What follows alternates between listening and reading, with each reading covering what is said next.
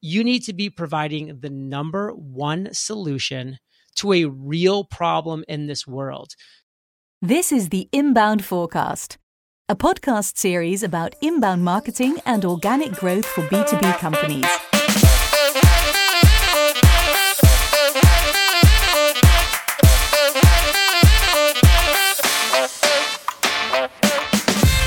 Here's your host, Gerald Arcus.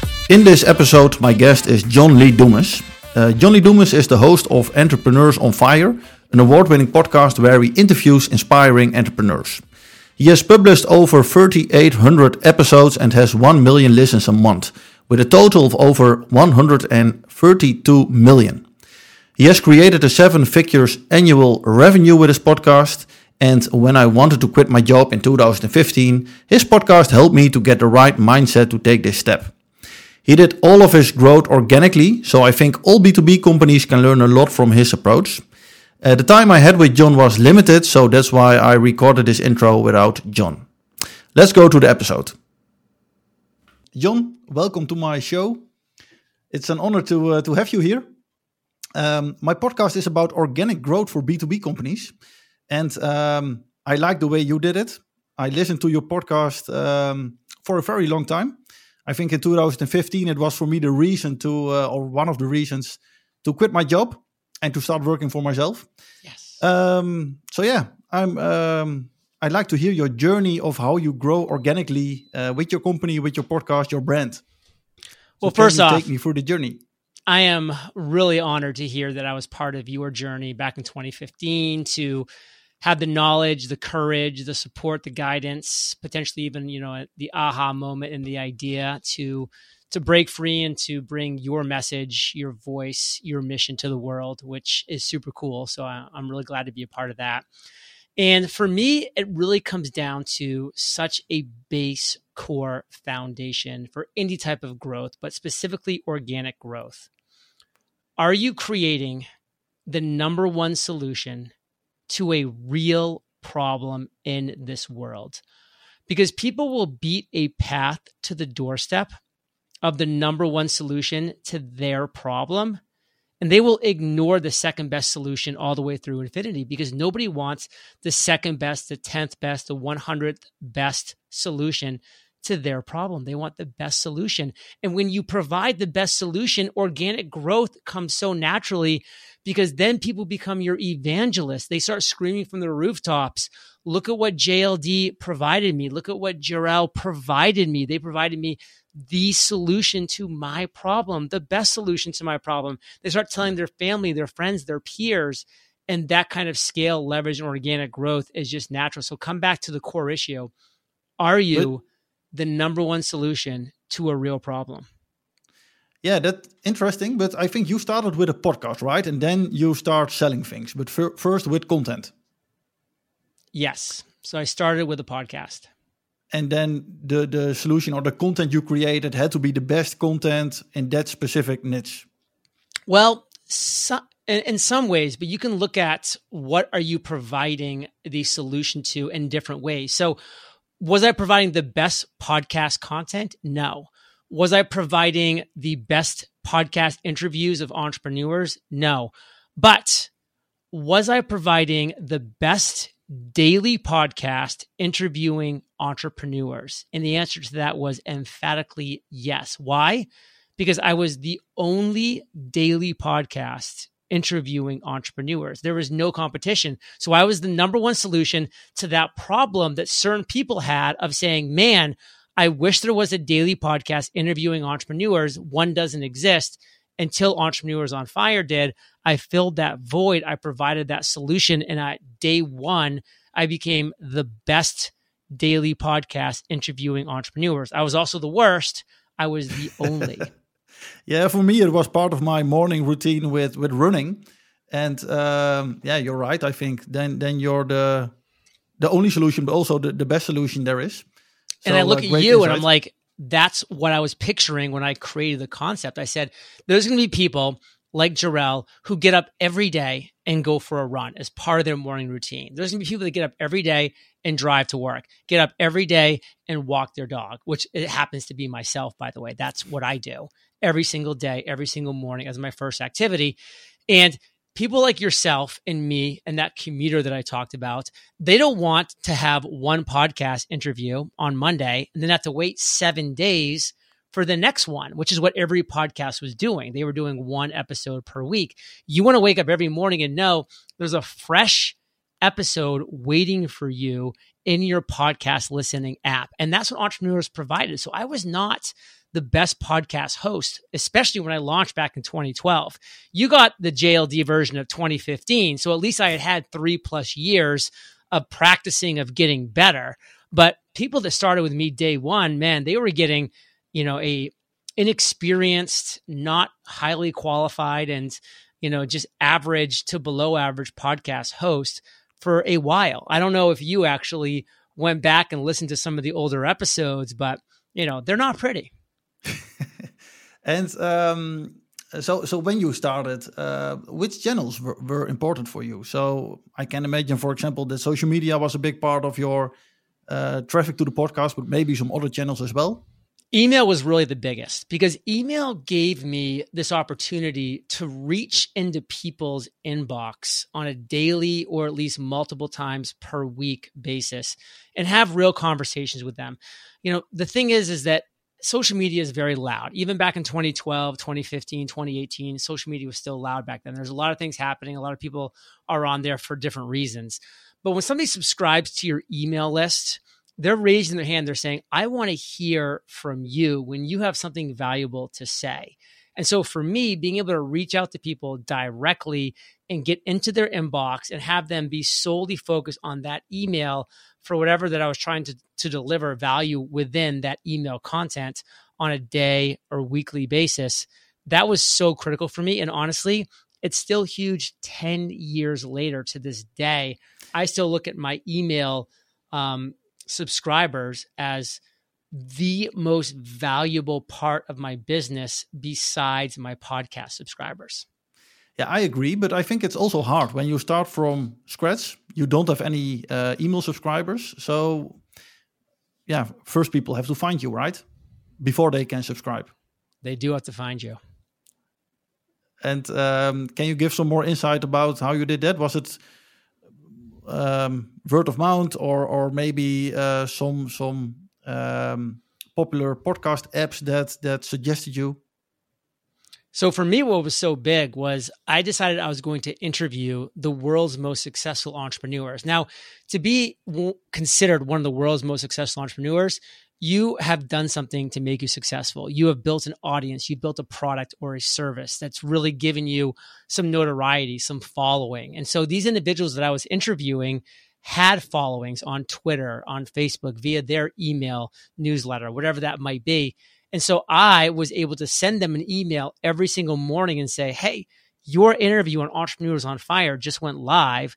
And if you want it to be listened to by as big of audience as possible, I would love if you shared it with your audience. Here's all the links to make it happen. Here's some sample copy. I made it really simple for them to share their episode with their audience. And guess what? Not everybody's going to do that. But when you do a seven day a week show instead of a once a week show, instead of getting an opportunity to have four people a month share, maybe one of them does, maybe two of them do. I was doing that 30 times a month. So maybe 10 people were, maybe 15 people were. And that really started to add up where these individuals were sharing their episode of Entrepreneurs on Fire with other uh, with their audience and so that audience just kept kind of piling into my podcast listening to the episode subscribing building my listener base up and then i would always give calls to action at the end of my podcast and i would say hey listen if you enjoyed this podcast i have a fantastic newsletter where i share the top 20 productivity hacks of today's top entrepreneurs.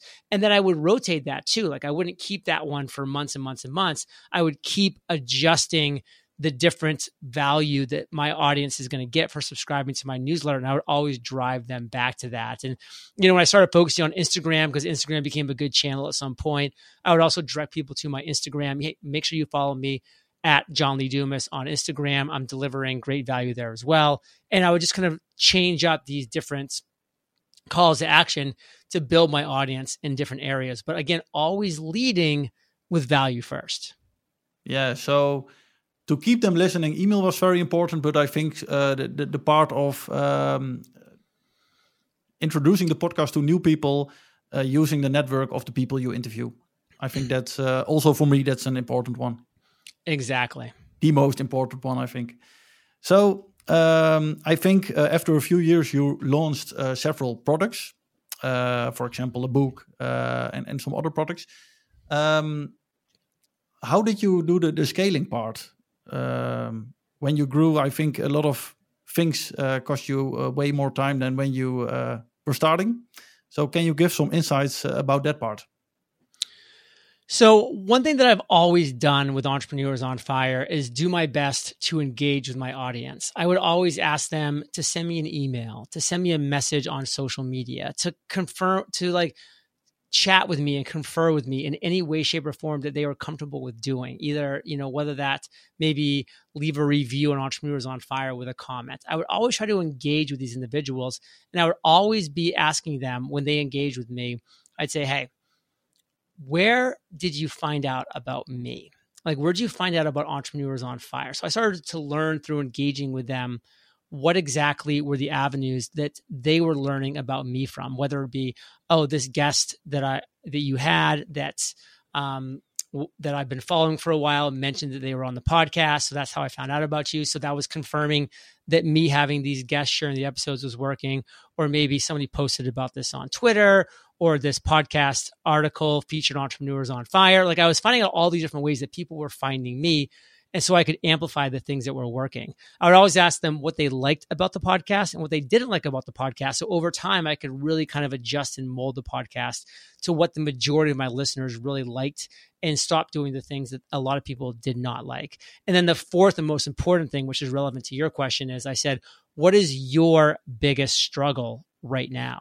and then I would keep notes on their biggest struggles.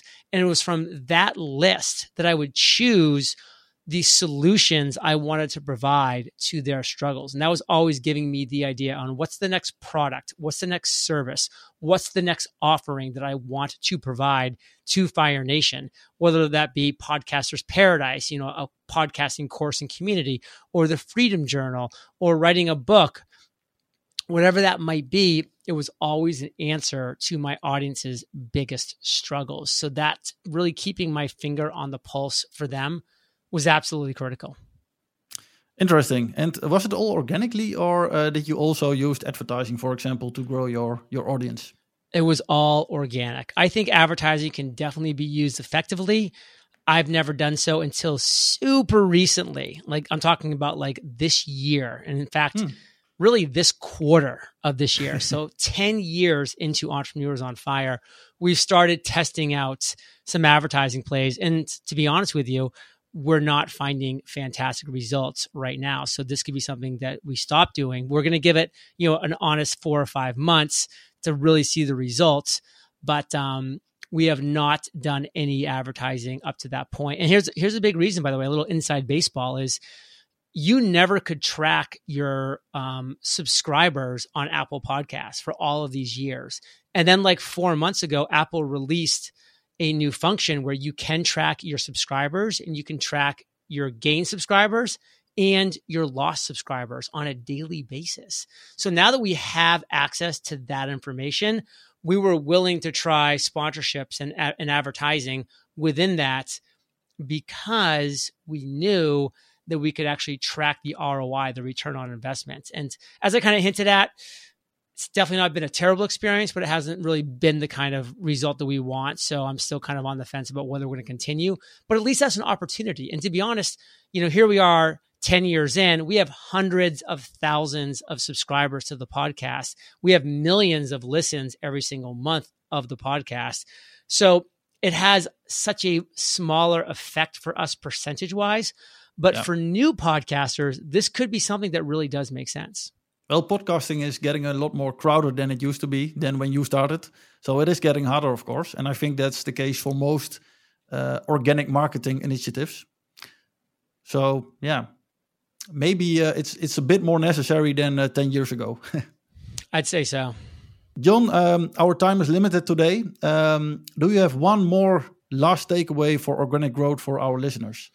Honestly, for organic growth, it comes back to a quote that I've lived by for more than 10 years from Albert Einstein. Try not to become a person of success, but rather a person of value. If you want organic growth, if you want organic success, you need to be providing real value. And I even take it to the next step. You need to be, you need to be providing the number one solution to a real problem in this world.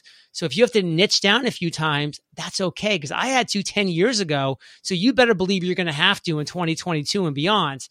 Podcast, I niche down to business podcast. I niche down to business podcast interviewing entrepreneurs. I niche down again to the frequency of a daily podcast interviewing entrepreneurs.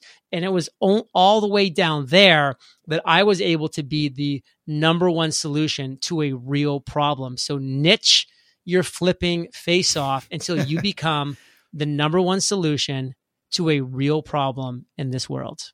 Well, I like your quote uh, the riches are in the niches. So um, yeah, like it. There was an error in the last 20 seconds of the recording. It wasn't uploaded correctly. So I'm ending this podcast without John. Uh, John, thanks for the nice conversation, and everybody, thanks for listening. Thanks for listening to the Inbound4Cast. And don't forget to subscribe on YouTube or in your favorite podcast app.